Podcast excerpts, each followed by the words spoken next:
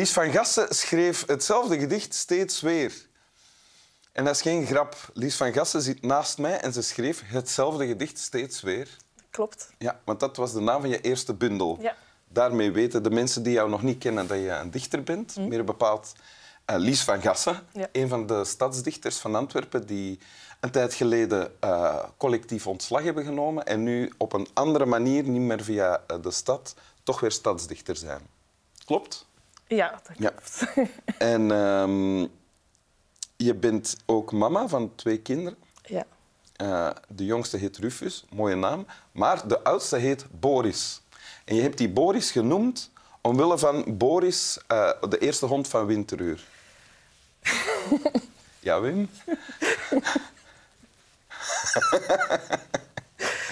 en er zijn net twee boeken van jou verschenen. Ook. ja, dat klopt. Ja. Eén boek heet Palganeem. ja. Dat is, eh, dat is een eh, brievenboek ehm, tussen twee personages. Dat zijn geïllustreerde boeken tussen Heremiet en kind. En Heremiet schrijft eigenlijk van op een ja, im- imaginair eiland, maar het is wel geïnspireerd op echt een bestaand schiereilandje dat voor de kust van Estland ligt. En dat Palganeem heet. En kind eh, schrijft geïllustreerde brieven vanuit Antwerpen. En daartussen zitten ook wel een paar gedichten. En die illustraties die maak je ook zelf. Ja, dat klopt. Was je niet eerst eigenlijk illustrator en dan pas dichter? Ehm, Of is dat samen? Strikt genomen, dat is een moeilijke. Ik ben ehm, eerst afgestudeerd als illustrator en dan gedebuteerd als dichter. Dus ik weet niet wat het Ah, ja. meest waar is. Afstuderen als dichter, dat kan ook niet natuurlijk. Hè? Nee, Nee. dus ja. En er is nog, nog een tweede boek van jou net verschenen. Hè? ja. Woordentemmen 3. Eh, dat komt in de reeks Woordentemmen. Eh, bijvoorbeeld Charlotte van den Broek en Jeroen Dera hebben Woordentemmen 2 geschreven. Dat zijn educatieve boeken rond poëzie. Ja. Ehm, en ons boek heet Toon de Stad. En het zijn eigenlijk onze ja, lievelingsgedichten die te maken hebben met de stad en ook met hoe ervaar je de stad. Ehm, en ja, het is bedoeld voor, eh, voor studenten, voor leraars ook om in de klas te gebruiken, maar je, je kan het ook gewoon zelf eh, lezen en gebruiken. Want het, Want er staan ook gedichten in die je hebt gekozen, denk ik. ja, het zijn gedichten die wij. Het is eigenlijk een bloemlezing, eh, aangevuld met een beetje duiding over de gedichten. En ook wel zo opdrachten, bijvoorbeeld een schrijfopdracht die bij een bepaald gedicht hoort, of een doe-opdracht. Ja, Ja. ja. oké. En je hebt een gedicht bij om voor te lezen. ja, dat klopt. We luisteren. Met onze oortjes. Schacht. Door mijn lichaam, zegt ze, zwerft een slaap, zegt ze, die al door het lichaam van mijn vader zwierf. Dagelijks werd hij op zeker ogenblik in een nis gevouwen en zegt, daar lag hij, zijn leden zelden gemakkelijk geplooid in de onverstelde vale jas van slaap. Zijn gezicht en handen absorbeerden licht. Adem haalde hij sporadisch onderuit. Een schacht, ze zegt, waarin hij zomaar op een zomeravond bleef steken. Ook ik val, steeds als ik zingend voor mijn dood uitloop, onherroepelijk in slaap. Oké.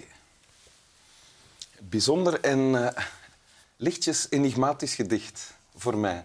Het heet Schacht. Hè? Ja. Wat, wat staat er in dit gedicht? Wat lees jij erin? Ehm, ja, het gaat voortdurend over een slaap. Ja. Ehm, en de vraag is, als je het gedicht leest, wat die slaap is. Ja, de meest evidente interpretatie en ook, eh, is, is dat het de, de slaap de dood zou zijn. Mhm. Maar eigenlijk twijfel ik daar toch nog altijd over. Het Ehm, hoeft niet één ding te zijn. Het kan onder andere Ja. slaap, naar slaap verwijzen, maar ook nog naar iets anders. Het zouden verschillende, ja, het zouden verschillende dingen kunnen zijn. Ja? En die schachten, dat is een soort van ehm doorgeefluik tussen leven en dood, eh, tussen generaties ook. Een, een soort ja, plek van transitie of zo. Ja. Ja? Ja. En dan, dus het gaat over eh, mijn vader, of iemand die mijn vader wordt genoemd. Hè. Hij werd op zeker ogenblik in een nis gevouwen enzovoort. Er gebeurt van alles met hem. En dan is er die zegt ze, die op het einde van het gedicht een ik wordt ook. Hè? Ja, dat denk ik niet dat die ze een ik wordt. Dat is niet dezelfde, denk je. Volgens mij is dat iemand anders. Oké. Maar ik vind dat wel inderdaad, dat vind ik een heel mooi moment in het gedicht. Dat, eh, ja, dus je leest voortdurend over die ze. En dan op het einde keert het gedicht en dan schrijft de dichter ook ik val steeds als ik zingend voor mijn dood uitloop onherroepelijk in slaap.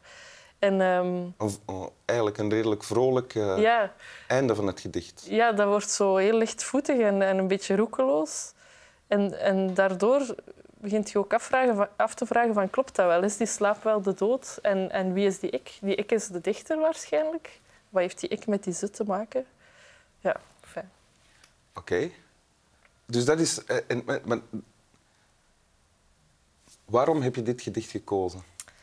Ik heb het gedicht gekozen omdat eh, eigenlijk omwille van het begin, ehm, maar dat zit eigenlijk in het hele gedicht, ehm, de gedachte zo dat, ehm, dat iets doorgegeven wordt. ehm, dat bijvoorbeeld generaties en, en volgende generaties verder leven, of, of dat een dichter ook verder leeft in het werk van iemand anders. Je verwijst nu naar die eerste Ja. zin. Hè? Door mijn lichaam, zegt ze, zwerft een slaap die al door het lichaam van mijn vader zwierf. Ja. Dus dezelfde slaap eh, zwerft doorheen haar lichaam.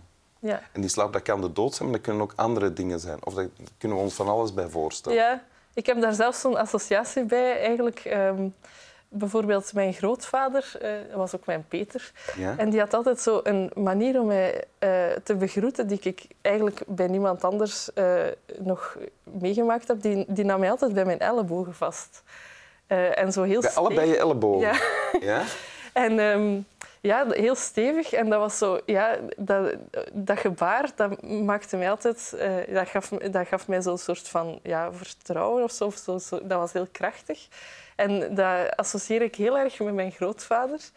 En ehm, zo, ja, ehm, dat gevoel van dat zo, eh, bijvoorbeeld een, een geste, maar ook een gedachte.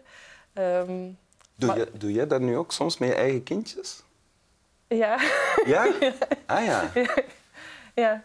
Omdat, ja, omdat dat zo'n soort ondersteuning is of zo. Of ja. Natuurlijk, bij mijn kinderen is dat nog anders, want die zijn veel kleiner. ja. En mijn grootvader deed dat ook bij mij als ik al volwassen was. En dan eh, heb je zo de twee volwassenen die eigenlijk een gelijkaardige grootte hebben, maar, maar waar dat er toch zo'n soort ondersteuning komt vanuit de... Ja, dus... Ah ja. Ja. Dus, wat, dus met het voorbeeld dat je nu geeft, maak je voelbaar wat het gedicht, hoe het gedicht voor jou voelt. Klopt Ja, dat? misschien wel. ja. Dat we dingen aan elkaar doorgeven. En gebaren, eh, woorden, gedichten, beelden, manieren van kijken. En dat gebeurt ook in dit gedicht met jou. ja, dat klopt. Oké.